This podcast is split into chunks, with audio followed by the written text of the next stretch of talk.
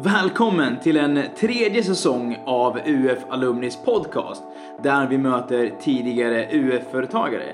I det här avsnittet har vi med oss Carl Rosengren och Amanda Larsson som tog sig hela vägen till SM-finalen 2015. Då hette företaget Healthy Heroes UF. Idag drivs det vidare som ett aktiebolag under namnet Färsking. De här två har sedan start haft som mission att kunna erbjuda någonting bättre än de här godisflingorna som vi alla minns från när vi var små. Och låt oss säga att eh, flinghyllorna idag är en bättre plats tack vare deras resa som vi ska få lyssna på nu. Jag heter Viktor Ganguli och nu kör vi!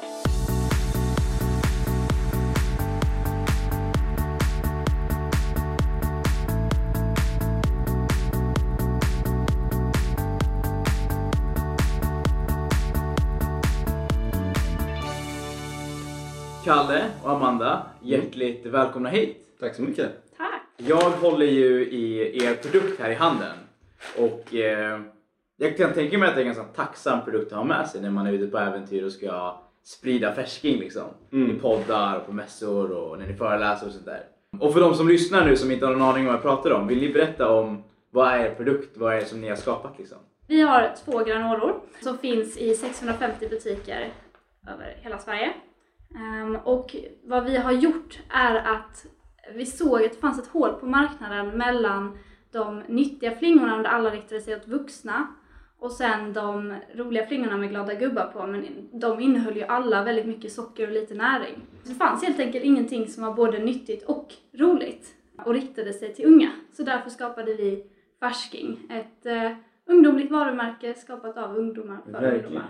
Jag tycker påsen ser så läcker Mm. ut. Ja, vad roligt. Vad kul! Det som jag ändå uppskattar med det är Mm. att eh, alltså idén i sig är ju väldigt simpel. Mm. Mm. Eh, det, är, så här, det är ju inte rocket science. Och, alltså, det får ju mig att tänka, när jag eh, skulle starta mitt UF-företag, alltså det tog flera veckor. Jag skulle tänka ut en så här briljant innovation som ingen någonsin har tänkt på. Men i efterhand så känns det här som en lite bättre approach. Men alltså vi var ju också där, Vi var på verkligen. exakt samma ställe. Alltså, Ja, ni var det? Det var verkligen så här fyra ambitiösa ungdomar då, nu är vi två men vi var fyra då, som var liksom, ja ah, men nu ska vi ta UF med storm, vi ska göra ett skitbra UF och vi ska ha en fantastisk idé liksom. Mm. Eh, nej. Eh, så att vi satt ju verkligen tills typ slutet av oktober alla andra hade kommit på idéer, vi hade bara någon vecka kvar till deadlinen på typ affärsplaner och grejer. Och vår bästa idé var en genomskinlig brödrost typ. Eh, så liksom, wow vilken En innovation! genomskinlig brödrost. Alltså så att du kan se när Ah, brödet är okej. perfekt. Det låter ju ändå ganska coolt. Ja, Men eh, man vinner ju inte IF med det, eller kommer kanske inte så långt liksom. Nej. men jag stöttar ändå den. Ja, Kanske blir nästa venture liksom. Ja, eller typ. Så att, eh, nej men så, så var det faktiskt så att vi satt en eftermiddag och så var vi rätt så stekta i huvudet efter att ha suttit liksom från tidigt morgonen till eftermiddag och bara brainstormat. Mm. Ehm, så, så är vi på väg att liksom gå hem och så säger Mikael då, som hon heter, ja men jag ska hem och göra granola till min lillebror liksom. Varpå vi börjar liksom, ja men det kan vi göra som UF, vi kan göra flingor typ. Ehm, högst oseriöst men sen så um, går det lite tid liksom och bara men 90, nyttiga flingor till barn, finns det liksom överhuvudtaget? Och så börjar vi gå i hyllor och se liksom sån där segmenteringen Amanda förklarade liksom att nej det gör det verkligen inte. Mm. Och där då så tänkte vi men alltså nyttig mat kan ju inte vara så äcklig att det absolut inte går att ge till barn. Det, fin- det finns ju inte på kartan Mm. utan det måste, ju, det måste vara något annat. Mm. Så där och då var det verkligen som du säger väldigt enkelt. Vad händer om man tar en design som, som är gjord för barn eh, med det här typ Coco Pops typen av koncept eh, med en glad gubbe på och skvättande mjölk och sådär men lägger i en bra granola i kan man få barn att äta bättre grejer liksom. Så att det var där vi började Mm. och då hette vi Healthy Heroes så vi körde superhjältetema vi hade Supertajta hjältedräkter. Ja, Mm, jag såg eh, den där pitchen som vi gjorde på scenen. Ja. De där hjältedräkterna kommer vi nog aldrig bli av med. De Nej. följa med oss till resten av livet.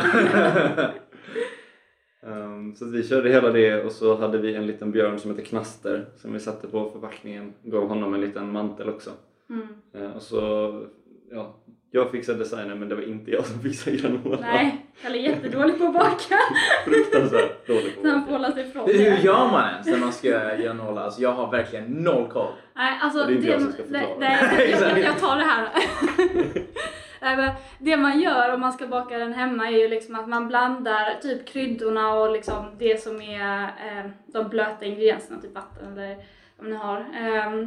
Honung och så i en skål och sen så de torra ingredienserna i en och sen så häller man över det blöta i det torra, eh, blandar runt och sen lägger man ut på en plåt och in i ugnen eh, så rostas det. Det var i alla fall så vi gjorde vår granola när vi bakade själva. Mm. Jag, jag, jag minns att jag läste någon artikel som kom ut, det kanske var länge sedan, men att eh, mycket av den granolan som vi, vi tror är nyttig. Mm. Jag tror, granola müsli, vad är det för skillnad? Någon- Granola är typ, det är det här, för det första, de här blöta ingredienserna som du lägger i Okej. som skapar de här klumparna. Ja. Müsli kan ju ofta bara vara liksom, allting bara liksom ligger löst som liksom Ah, okej. Spår. Så och frön eh, ugnsrostad müsli granola. Ja. Ah, okej, okej. Jag minns inte om det handlade om müsli eller om det var granola, men att många av dem vi köper av hälsoskäl inte heller är så nyttiga. Nej. Ens där.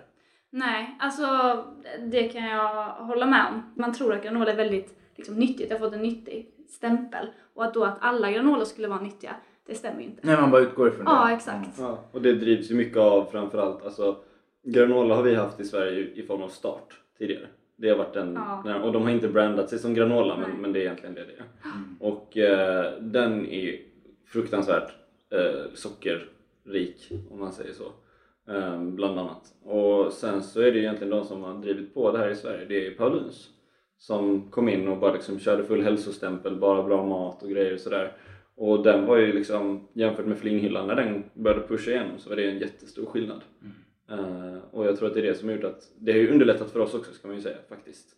För, för när vi började för några år sedan, då var vi alltid tvungna att förklara vad granola är. Alltså Mm. när, när Mika sa att de skulle göra granola, då var både jag och Amanda bara, vad, vad är det?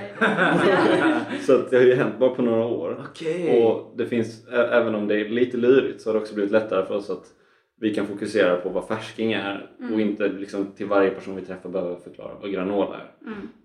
Någonting som jag är nyfiken på. Jag minns ju också de här flingorna som min lillebror slukade Coco Pops.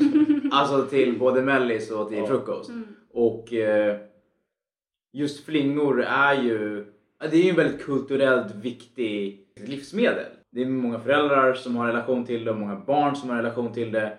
Och precis som ni säger att de här sockerflingorna som har de här roliga figurerna på paketen och riktar sig mot barn. Det är ju och har ju varit extremt ohållbart. Um, och den analysen kan ganska många göra. Mm. Varför tror ni att det tog så lång tid? Att det var ingen annan som tog fram den här produkten före er? Vad är det liksom som har varit utmanande i den här ekvationen?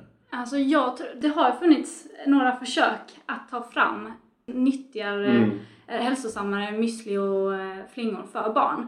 Men det funkar liksom inte. Barnen ser igenom när det har suttit någon 40-plussare och liksom gjort någon design som ska vara kul för barnen och de bara känner att eh, detta är liksom, det här är inte coolt på riktigt. De senaste tio åren har det ju hänt supermycket.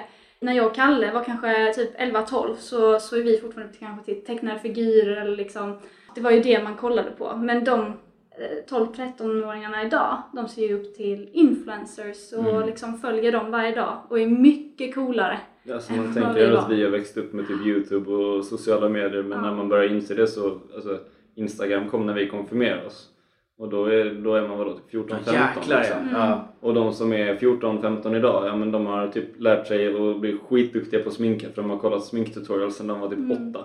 Eller de har lärt sig att göra det liksom photoshop perfekt eller det ena och det andra. Och även om vi fick en hel del av det så var det alltså fortfarande en så ungt stadie. Typ, Youtube var så tramsigt. Alltså det var så här homemade videos fortfarande. Det var liksom största grejen. Allting var jätteamatörmässigt. Nu har du typ 16-åringar som har drivit Youtube ett halvår som ser ut som en professionell studio för att de har tillgång till all typ av kunskap till hur man gör det. Det gör liksom att de här glada gubbarna och allt sånt, det blir så barnsligt för att man, man hänger med och och ser hur äldre beter sig mycket tidigare. Och, och de försök som har funnits har ju varit, eh, ett, ett försök var med en glad gubbe på ungefär som vårt. Men det var så likt, alltså det var nästan en kopia av Coco Pops. Det var liksom inga, det var inga Ja, det var helt påståenden om att det var nyttigt. Det var väldigt svårt att se skillnaden, att det skulle vara en hälsosam produkt. Ja, de, de gjorde ett ganska schysst försök på själva f- alltså flingan. Eh, Men det var verkligen, vi hade ju då på försökt knäcka den här nöten. Man ska ju kommunicera till två målgrupper. Du Ja, ska exakt. både få barnen att fatta det här och den, den, den har vi fattat. Det, det, man kan göra det. Men sen så ska föräldrarna också förstå att det här är bra grejer. Att de ska ens överhuvudtaget vilja titta på produkten. Och de här två som, alltså som den du nämner nu, Mm. ehm, utan att peka ut dem för mycket liksom, men vi, vi hade en vägg på vårt kontor där vi hade skrivit ut alltså, des, alla designsen, alla framsidorna på alla möjliga konkurrenter och så satt upp dem på en vägg bredvid varandra. Och när vi hängde upp den här bredvid Coco Pops, du vet, det var samma, samma gula färg, det var en glad gubbe som stod med samma pose, flingorna satt på samma ställe, det var typ samma ljussättning, det var liksom Allting var så likt att hade man bara gått förbi det i hyllan så hade du troligtvis inte märkt att det var någonting annat. Nej. Och då är det inte heller så konstigt att inte det slår igenom som en nyttig flinga. Liksom. Och allt detta upptäckte vi under förra sommaren för vi hade ju också en glad gubbe på vår förpackning och försökte så kommunicera utan tillsatt socker, rik på fiber och sånt på den och ändå att det skulle se annorlunda ut mot ja, till exempel Coco Pops. Men vi insåg ju då att barn har blivit mycket coolare och tycker liksom att glada gubbar inte är häftigt längre. Och sen så också att föräldrarna, det är ändå för snarlikt. Man, lik, eller man litade inte på en förpackning med en glad gubbe, att det kan vara nyttigt. Så det var ju till och med en mamma som kom fram och skällde ut oss när vi stod där i våra hjältedräkter och demade en, eh, ja, under sommaren En där. sommardag i Åstorp. Ja. Minns du mycket trauma? och liksom verkligen så här skällde ut oss för att vi lurades. Ehm, och att det absolut inte kunde vara nyttigt. man tittar de senaste åren så många av de här sockerflingorna, framförallt från till exempel Kellogg's, så står det ofta så här rik på fiber eller ny med 12% mer fullkorn eller mindre socker och sådär. Och, och så tänker man ja, nu är det bättre. Och så tittar man och så är det fortfarande inte bra. De har, de har gjort de här justeringarna de säger men det innebär inte att det har blivit nyttigt till exempel. Så att det här förtroendet som, som har funnits hos allmänheten, det har liksom brutits ner ganska mycket samtidigt som det då har i media varit ganska mycket om att det är dåligt med socker till barnen. Och, Ja precis, och det var då vi bestämde oss för att göra om hela då Knassers granola och Healthy Heroes och göra om ja, till färsking. Mm. Och idag är det ju inga glada gubbar på förpackningen utan det är mer ehm, ja, uttryck. en design vi tycker om. Mm, Ja, vi gillar den andra också men något som skulle kännas coolt för oss. Ja, exakt. Jag tycker det är sjukt intressant när man tänker strategi för varumärket och vilken typ av placering man vill ha, hur man ska nå ut till sin målgrupp. Och det här tillfället när ni kände vi ska ändra det här nu. Vi måste hitta på någonting nytt. Vi har insett en massa längs vägen. Hur såg det ut? Vem var det som vi måste göra något annorlunda? Vem var det som kom med den idén?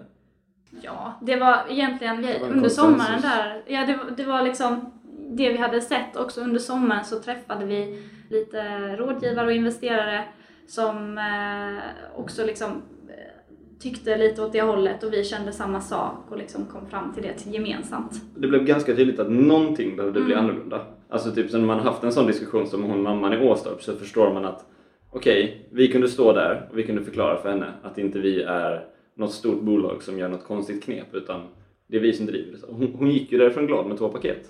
Men den där chansen har du inte i alla butiker hela tiden utan paketen måste ju gå av hyllan av sig själv. Folk måste gå fram och ta dem på egen hand.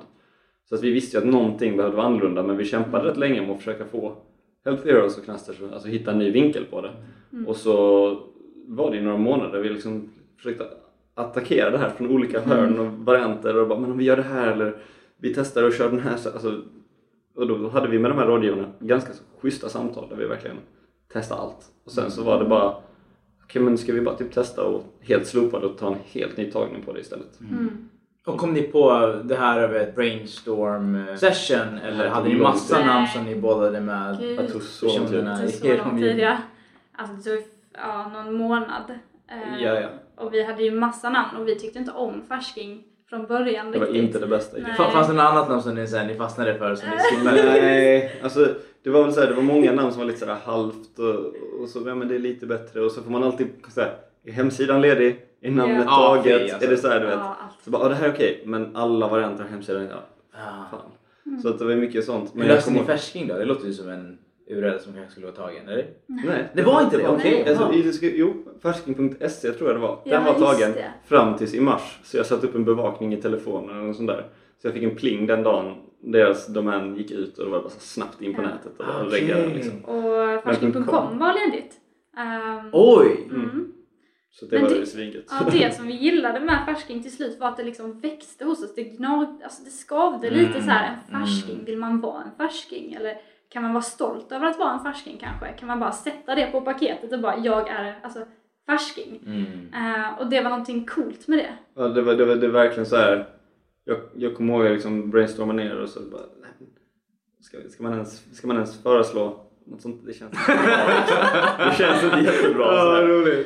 Och sen så satte jag mig in. Det är bättre att ha no, många idéer än att bara ha en liksom. Så, sådär. Och, och det var liksom när vi snackade om det så allihopa, nej inte den. Och så. Sen så liksom, du vet vi hade kanske typ 20 alternativ och så lade vi ner det till slut var det typ tre och så var den fortfarande kvar. Och så var det två och så var den fortfarande kvar. Och så litade det åt den andra. Och så sa vi, ja men vi låter det här gå några dagar. Så Mm. känna lite och prata med folk och liksom testa, bara, ja men jag jobbar på färsking. Eller alltså säga sådana grejer. bara för att förs- försöka se hur det skulle vara att släppa. För att vi Ja, skulle det var släppa... Alltså det var ju tre år av att hela tiden plocka upp telefonen och säga att man kommer från det här eller prata med kompisar eller i alla sammanhang. Det, det följer ju med en i hela vardagen. Mm. Så man vill ju verkligen tänka igenom det Ja. ordentligt. Det som var viktigt med, eh, för oss med namnet var att det skulle symbolisera oss på något sätt. Det skulle betyda någonting för oss. Och färsking betyder ju nybörjare. Mm. Och eh, det är vi ju verkligen i. Liksom. Ja. Vi har ingen utbildning i ja, livsmedelsbranschen eller liksom så här. Det här är vår utbildning Ja, i livsmedelsbranschen. Ehm, så att det, ja, men det kändes verkligen bra till slut. Mm. Och då blev det det. Och så är det rätt coolt för att vi ser ju då att vi gör det här för unga. Och alla unga, framförallt de som är yngre än oss, då är man nybörjare oavsett om man vill det eller inte. För att det, alltså det är så mycket man gör i sin vardag som är nytt, alltid. Eh, Så att det blir lite schysst så här dubbla, Mm. dubbla, dubbla meningar med det. Coolt.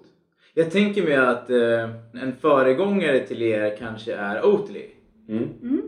Vi har hämtat mycket inspiration från dem. Ja, för Alltså- att alltså, de har ju precis som er adresserat någonting som varit ingrained i vår kultur. Att det har alltid varit självklart att dricka komjölk. Mm. Alltså alltid. Mm. Alltså för tio år sedan, tanken att man skulle ersätta komjölk med havremjölk är ju jättekonstigt. Mm. Men alltså idag lever vi i en värld där precis som alla andra så, alltså, så Oatly är viktig för mig i kylskåpet. Det är typ den enda produkten som jag kan jag kan gå in i en livsmedelsbutik och finns den inte där så kan jag ju bli arg. Liksom. det finns ingen annan som väcker så mycket ilska hos mig. Och så finns det annan havredryck men det är fan Oatly jag vill ha av någon anledning. Liksom. Så de har gjort det så här coolt och hippt och häftigt och fränt. Och det jobbar ju ni också med i ert varumärke tänker jag. Mm. Mm. Men man fick en hel del inspiration. Vi har ju fått liksom träffa väldigt coola människor och få mycket input och eh, sådär. Så att, alltså jag tycker både, både hur Oatly gjorde det var jävligt ballt. Men det är fler sådana varumärken som har fått, alltså vi har haft inspiration från många men ett annat exempel jag tyckte som fattar lite den här grejen är typ Oomph. Som också var sådär, Mm, Ja. men vi gör en vegoprodukt som, för, alltså, går du till de flesta så och förklarar vad det är för någonting så får man lite så här skeptiska miner och lite så här, men, men liksom deras design är ju som att istället för att bara tilltala de som är veganer som redan är sålda på det så gjorde de, det ser ju ut som att det är världens schysstaste barbecue. Du tänker det att du står och grillar med öl Ja. typ liksom. Och det är ju de som är allra mest skeptiska till den här typen av produkter egentligen. Men när du får den imagen av det, jaha jag kan, jag kan fortsätta så- med den här coola stilen jag har haft typ men ändå äta det här. Då tror jag också att det blir lite lättare. Jag tror det är det både de och Oatly och en rad andra varumärken har lyckats Mm. så väl. Så det var klart att de, det var någonting som vi bara, ah, okej men hur kan man få det här som alltså, nyttigt? Det är lätt att man hör ordet nyttigt och åh, då är det inte så gott eller det är tråkigt och sådär. Hur kan man få det att kännas naturligt och coolt och Mm. att man inte Precis. behöver tänka på det liksom. Precis, och typ eh, Frush är också väldigt roliga produkter, liksom roliga namn. Eh, och Food Pharmacy har vi också inspirerats en eh, hel del av, liksom hur de på ett roligt och enkelt sätt förklarar saker. Ehm, så till exempel på baksidan av vår produkt så förklarar vi, har vi som små faktarutor där vi förklarar saker som kanske är oklara, som man inte vet vad det är eller ja. Den här gröna rutan är ju jätterolig. Ja. Att man får liksom lära känna er lite. Det har ju, Oatly har ju samma grej med han, vad heter han, Tony någonting? Ja, Mm. vdn Eh, där. ja exakt. Att man verkligen får en, en relation med produkten. Mm. Det är väldigt sällan man möter på sådana produkter annars. Mm, exakt. Och för oss var det viktigt att man inte trodde att det här var något stort amerikanskt bolag som Ja, testar exakt. en ny vinkel. Ja. Det var viktigt för oss att allmänheten ska förstå att det är jag och Amanda, det är inte Orkla eller Unilever eller vem det nu är liksom. Eh, För att för oss är det ett sätt också att bygga ett förtroende. Eh, vi är så pass nya i branschen att vi har inte Mm. lärt oss alla filknepen utan vi gör det här för att det är det här vi vill göra. Mm. Eh, Precis, och- det är lite så vi vill att konsumenten ska tänka för att de tänker åh nu försöker de lura på mig något nytt liksom de här stora företagen. Utan det är tvärtom, vi vill liksom att de ska Ja. se det. Vi är bara så naiva att vi har gått in i det här trots att vi är så Ja. unga. Och, Men något som jag har lagt märke till med er, alltså både att ni, ni använder er naivitet till en sån styrka, Mm. mm. men också att ni är väldigt ödmjuka inför det ni inte vet. Mm. Ola Jonsson Mm. är ju en person som eh, vi har som gemensam vän kommit fram Ja. till. Eh, och kollega till och med. Jag satt ju Ja. med honom i, i en styrelse för SE-forum och han är, var han styrelseordförande till och Det med? är han, och I- delägare. Och delägare. Eh, så ni verkar ju verkligen ha, att ni omger er av väldigt, väldigt Mm. smarta människor. Och jag vet att Ola också inte bara är smart och inte bara ett stort nätverk utan han är väldigt medveten om sin värdegrund Mm. och är en otroligt holistisk entreprenör. Han skulle aldrig kunna sätta sig in i någonting som inte är hållbart. Nej. Och, och jag hittade någon video på att det, det var en till person som, nu minns inte vem det var men Alltså han lät ju som Ola när han pratade och reflekterade så ni, ni verkar ju ha väldigt, väldigt kloka människor runt er. Ja, men det har vi verkligen. Vi har ju byggt upp som ett team av ungefär 25 personer Ja. eh, som är delägare i bolaget. Eh, och och de, har, de hjälper och stöttar oss liksom varje dag. Ja, Vi får så mycket Mm. mer utav dem än vad man någonsin skulle kunna be om. Mm. Alltså, vi, vi, typ, vi, ja, vi skulle prata med vårt säljbolag för några veckor sedan. Eh, och du vet man ska komma dit och det är så mycket svåra frågor i den här liksom, branschen och hur ska du göra i butik, hur ska det här funka? Mm. Alltså, det är så mycket siffror och uttryck och begrepp där vi får sitta där som frågetecken och bara eh, och så går de ju vidare och så bara, "Ja, men du, förlåt, det där begreppet, vad betyder det? Ja. Liksom? Och det händer hela tiden. Och så helt plötsligt så har vi med oss då liksom, typ som Johan som jobbat med sälj i, jättestora sådana här liksom, han, han är försäljningsdirektör på Perigo idag och sådär. Man kan komma med den typen av erfarenhet. Så vi har liksom Ola var med, en kille som heter Petter och alla de kommer med så mycket kunskap och erfarenhet. Men ändå på en väldigt ödmjuk nivå. Det är liksom inte så att de vill ta över eller köra över utan snarare bara finnas där och hjälpa till och Ja. bidra. Och alltid när vi har frågetecken kan man alltid bara ta upp telefonen och ringa eller skicka ett mejl eller Det är lite som att gå en eh, privatskola för de vill ju att vi också ska göra typ allting själva så de bara säger men okej men gör ungefär så här och så får man, de vill aldrig göra det eller ta över utan det är alltid vi som får göra det. Mm, och så kommer de med feedback. Och för, för de som lyssnar är det jätteintressant. Hur är det ni söker upp de här personerna och eh, vilka brukar det vara som ni vill vända er till att vara runt sig? Fruktansvärt bra fråga. Ja, det som har varit väldigt viktigt för oss hela tiden är att det är människor som inte bara vill tjäna pengar. För att för oss så handlar detta om så mycket mer än pengar. Det handlar ju om att göra en skillnad i liksom samhället. Ja, hade vi bara varit ute efter pengar hade vi kunnat hitta smidigare sätt att gå än den här vägen. Liksom. Ja, exakt. Det är inte så många som tänker så, att man sätter skillnaden före pengarna. Uh, Ola är till exempel ett väldigt bra exempel på en sån person. Mm. Ehm, så det har varit jätteviktigt för oss hela vägen. Och sen så var det bara en slump egentligen att vi eh, stötte på den här första personen.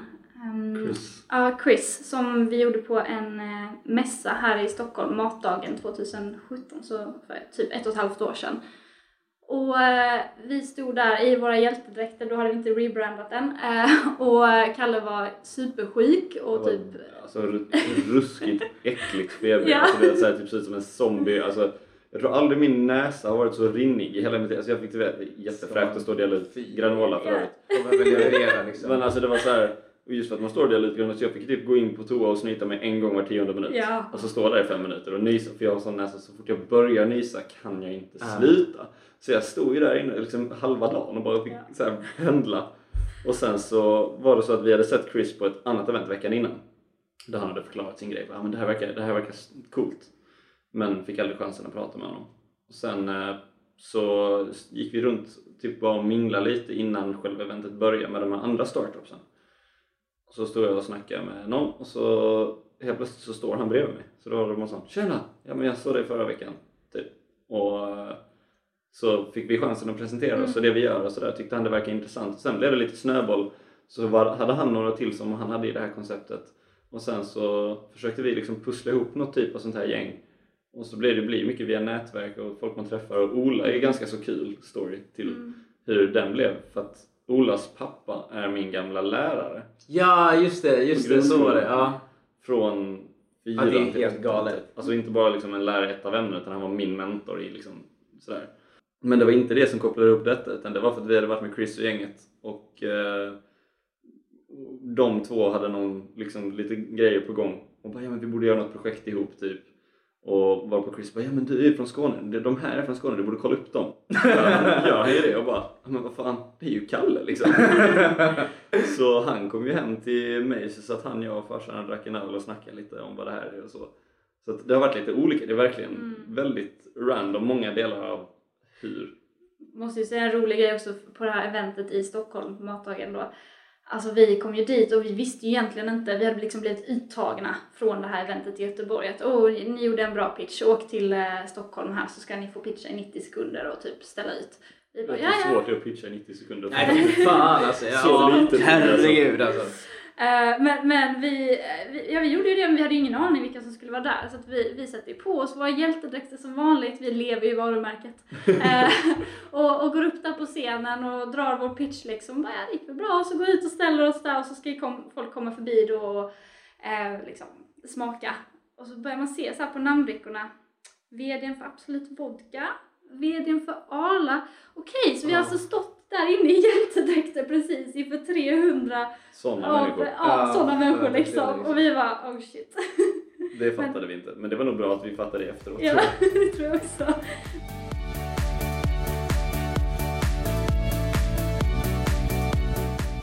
Är ni bra på att eh, fira framgångar? Nej, Nej, det är inte vi alls. Nej. Vi är skitdåliga faktiskt. Alltså vi säger alltid att det här måste vi typ göra något åt eller så sådär. Mycket sämre än vad vi ja. vill vara tror jag. Ja, vi är faktiskt dåliga. Ja. säga. Jag menar, efter ert UF-år har det hunnit hänt jäkligt mycket och Mm. eh, kanske framförallt de senaste månaderna. Mm. Jag tror lite därför vi har varit lite sådär dåliga på att fira våra framgångar. Men har ni fattat det liksom? Ibland. 650 butiker bara. Ja, nej det är helt sjukt. Men det är liksom, man känner sig ju inte, alltså så här, det känns ju inte som man har lyckats än för att man vet ju aldrig, de kan ju slänga ut oss imorgon liksom. Mm. Alltså, man känner sig inte trygg eller så här. det känns inte som att man lyckats. ja. Man vill ju att det ska Men bli kommer ännu man nå till den punkten tror du? Nej, Jag vet inte. kanske. Men alltså vi är ju hela tiden fokus på nästa steg och en, liksom visionärt och bara, ah, vi ska alla de här grejerna, vi ska se och sådär. Mm. Och typ, jag tror att det var en sjuk lättnad och en extremt häftig känsla att få det här liksom. Ja men ni har kommit in hos ICA, eller ni har kommit in och sagt att det, det kommer liksom bli massa butiker. Men jag tror att du vet, man har varit så liksom inne i det och fullt fokus och så, på så hög spänn. Att när det beskedet kom då var, då var det liksom inte så mycket ja, fira utan det var typ shit, nu måste vi göra nästa grej. Nu måste vi börja, liksom fixa och vi måste uh, så att Mm. jag tror det är det som gör att vi hela tiden vi sitter så inne i nästa grej så att vi glömmer ibland att bara stanna upp och bara vara Mm. tacksamma för där vi är eller det vi precis har åstadkommit. Mm. För vi är hela tiden inne i nästa veckas schema eller Mm. Sådär. Men, men om vi ska så här, stanna upp nu då och tänka Mm. högt. Vad har 2018 betydit för er? Det är helt sjukt. Alltså vi, bara att vi fick liksom komma in där på ICAs huvudkontor och träffa kategoriansvarig och sen att eh, faktiskt att de säger ja till att ta in våra produkter och nu att de finns på hyllan i liksom 650 butiker och att vi efter två år med verkligen så här kämpa och slit äntligen kunde ta ut vår första lön. Eh, Många milstolpar. Ja, väldigt många milstolpar. Alltså 2018 har ju varit eh, Vi bästa haft, året hittills. var det två eller tre ambitioner också? Ja, Ja. precis. Det är rätt så coolt för det här som ni snackade om då med, med Chris och Ola och sådär. Det gänget blev, det var tio delägare som kom in som Mm. första omgång. Det var i januari typ. Mm. Som det liksom färdigställdes. Det var, det var en process såklart. Men för ett år sedan när årsskiftet gick där, då var det liksom bara, verkligen bara jag och Amanda och så Mm. lite snack med ett, ett gäng till. Och sen så har vi haft liksom, så det, jag kommer ihåg fortfarande det året så här kick-off med det här gänget. Mm. Vi sitter där i den här kick-offen och det känns verkligen så här tidigt. Det känns som det var tre år sedan typ. Mm. Liksom för att ge lite av en bild av hur mycket det, alltså det här året har varit så intensivt så det känns som att det har varit jättemycket längre än ett år liksom. Mm. Och vi har gjort en crowdfunding också, det är också en milstolpe. Verkligen häftigt att ta in allmänheten, bjuda in dem till att vara Mm. en del av resan. Så det är 360 delägare i bolaget idag. Okej. Typ. Vi hade ju från början tänkt in en, en, stö, en, liksom en total summa bara med alla de här crowdfunding liksom, och så få in lite pengar vid ankar och var liksom strategin. Men när vi fick så bra dialog och vi hade fått sånt momentum så de här ankarna kom in och bara men vi kan typ tänka oss att ta, ta allt. Och vi bara va? Shit! Eh, det var också en sån här liksom megamilstart. Man fick det meddelandet de bara ja men vad gör vi nu då? Vi har ju gått så långt i den här processen och vi vill ju ha crowden liksom. För att vi säger ju det att färsking är en rörelse, vi vill verkligen skapa den här skillnaden. Och det var lite därför vi tittade på crowdfunding från början ju. Exakt. Så att eh, det var liksom, hur gör vi det här då? Ja men vi gör en lite större emission än vi hade tänkt. Och så får de här ankarna ta lite mer men vi vill fortfarande ha med crowden. Mm. Och sen gick ju det jättebra. Mm. Så att eh, den stängde på, hur lång tid var det? Det var en typ 36 timmar eller något sånt där. Ja. Så det var aldrig någon lång process. Åh, Jäklar, 36 timmar. Ja. Ja. Och vad har det fungerat? Då nådde ni ett mål eller? Ja, eh, vi tog in två miljoner via crowdfunding. Eh, Så att, och vi hade ett maxtak så att man fick inte investera mer än 10 000 per person. För att vi ville ju ha så många som möjligt. ja, den stora pengen hade vi redan fått via de här ankarna liksom, så att Mm. det var inte det vi var ute efter. Nej, det var inte det vi var ute efter. Vi var ute efter att ha många delägare som kunde sprida ordet om färsking och känna att de var en del av rörelsen. Mm. Så att, eh, ja, det är väl några av dem. Alltså 2018 har varit ett galet år nu så rundar vi upp det hela med att flytta verksamheten. Det är också en mega grej Mm. liksom. Amanda har redan flyttat till Stockholm. Jag sitter och håller ordningen hemma lite i Helsingborg en, en litet tag till. Sen flyttar jag också efter, efter nyår så att Mm. det, det blir ett rätt så schysst sätt att avsluta året för det blir Mm. stora steg liksom. Vi ska börja avrunda samtalet och Mm. eh, innan jag ställer min sista fråga så vill jag passa på att eh, ge er en liten hyllning. Ehm, från den korta tiden som jag ändå har fått med er, både telefon och det här samtalet så Alltså ni verkar så extremt ambitiösa och klipska. Tack. Vad snällt. Verkligen. Och eh, jag tycker verkligen att ni ska bli bättre på att fira era framgångar. Mm. Det ni har lyckats göra på så här kort tid ändå är helt otroligt. Men som ni säger, alltså, det har ju bara börjat. Mm. Och, eh, nej, men jag, jag är jättetacksam över att jag fick kopplas ihop med er via den här podden. Eh, och fick liksom se er på så nära håll redan nu. Det ska bli så jävla roligt att följa er resa alltså. Ja. Verkligen. Jättekul att vi fick komma hit. Ja, verkligen. Det har varit, vi tycker bara det är skitkul att få den här möjligheten. Och liksom, Jag tycker det är lite extra kul att återkoppla till just att det är UF, där det, liksom det här har börjat. Mm, exakt. Det blir lite... Vi kommer leva i tacksamhetsskuld forever. Ja, precis. Eller- och su- superkul också att ni, ni båda är så nära Stockholm nu liksom. Mm. Så jag hoppas vi får hänga. Ja. Absolut. Och sen min, min sista fråga till er är, eh, jag ska måla upp den lite. Mm. Vi teleporterar bak er i tiden till er själva när ni inte såg er själva som entreprenörer. Mm. Nyfikenheten hade precis börjat runt det. Mm.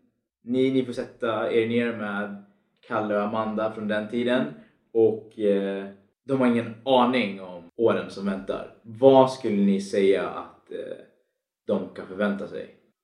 Wow. Eh, de kan förvänta sig att det kommer komma sjukt många hinder på vägen. Men det handlar bara om att vara uthållig och inte ge upp. Verkligen bara för att det kommer en liksom, käftsmäll, bara fortsätta. Mm. Eh, för att det är de uthålliga som vinner. Till slut så lyckas man oftast upp- uppnå sin dröm. Mm. Ja, det här med uthålligheten har varit en big deal för mig också. Alltså, för, från att annars ofta har varit en som älskar att starta projekt och hitta på alla idéer men eh, tar de för lång tid så går jag vidare till något annat. Så har det här varit verkligen den här, det har varit den största här, förändring, förändringen för mig. Men ja, det varit liksom en stor grej jag tror att den största tröskeln jag hade fått förklara för mig själv innan vi började med UF det var att jag ska göra flingor och livsmedel liksom. För att även om det idag känns så självklart och den här skillnaden vi vill åstadkomma alltid har känts rätt och känts viktig så to- alltså det tog mig själv typ ett år eller längre innan jag började liksom känna mig bekväm med att förklara för folk. Bara, ja men vad gör du? Ja, jag gör flingor typ. det är inte en, en, en normal mening för en 18-åring att säga liksom. Eh, men det är det idag helt klart värt liksom. Och också, jag skulle också säga att, att ja, men vara stolt över att vara liksom naiv och att, eh, alltså, att man, man kan inte kunna allt och du behöver inte göra det för att som, när man är oerfaren så kommer man också se möjligheter och vägar som de som har mer erfarenhet aldrig hade, aldrig hade sett för de vet liksom för mycket. Så det är inte alltid en nackdel att inte kunna saker. Framförallt så får man orken att göra saker som de med erfarenhet förstår hur jobbigt det kommer att vara. Ja, exakt. Alltså vi säger ofta det här om vi hade vetat om hur krånglig livsmedelsbranschen är så hade vi kanske inte gjort det. Nej. Men det är precis därför det funkar. Mm. Eh, och det är därför jag inte heller, typ, om någon börjar ställa allt för mycket frågor om ja, men jag vill göra idéer i det här så vill jag kanske inte dela med mig för mycket om vad jag tycker om livsmedelsbranschen heller för att det blir så nedslående och då hade inte vi suttit här om vi hade Mm. fått höra en sån typ av utläggning om hur krångligt det är liksom.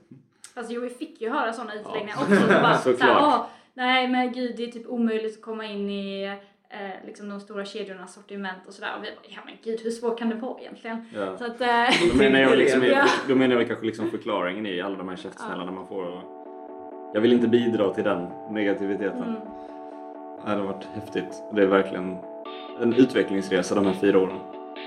Kalle och Amanda, tack snälla för att ni har gästat podden. Tack själv. tack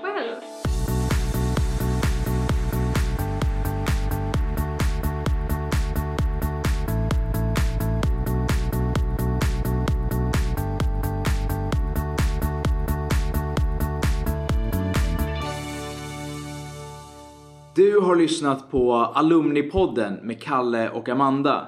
UF Alumni är ett nätverk för dig som tidigare har drivit UF-företag. Det är ett nätverk som ger dig personlig utveckling, drivkraften till att växa och ett unikt kontaktnät inom både näringsliv och bland andra unga drivna personer. Medlemskapet är ju helt gratis och du bjuds in till otroligt spännande aktiviteter. Och in på Instagram och Facebook för att följa UF Alumni på sin resa.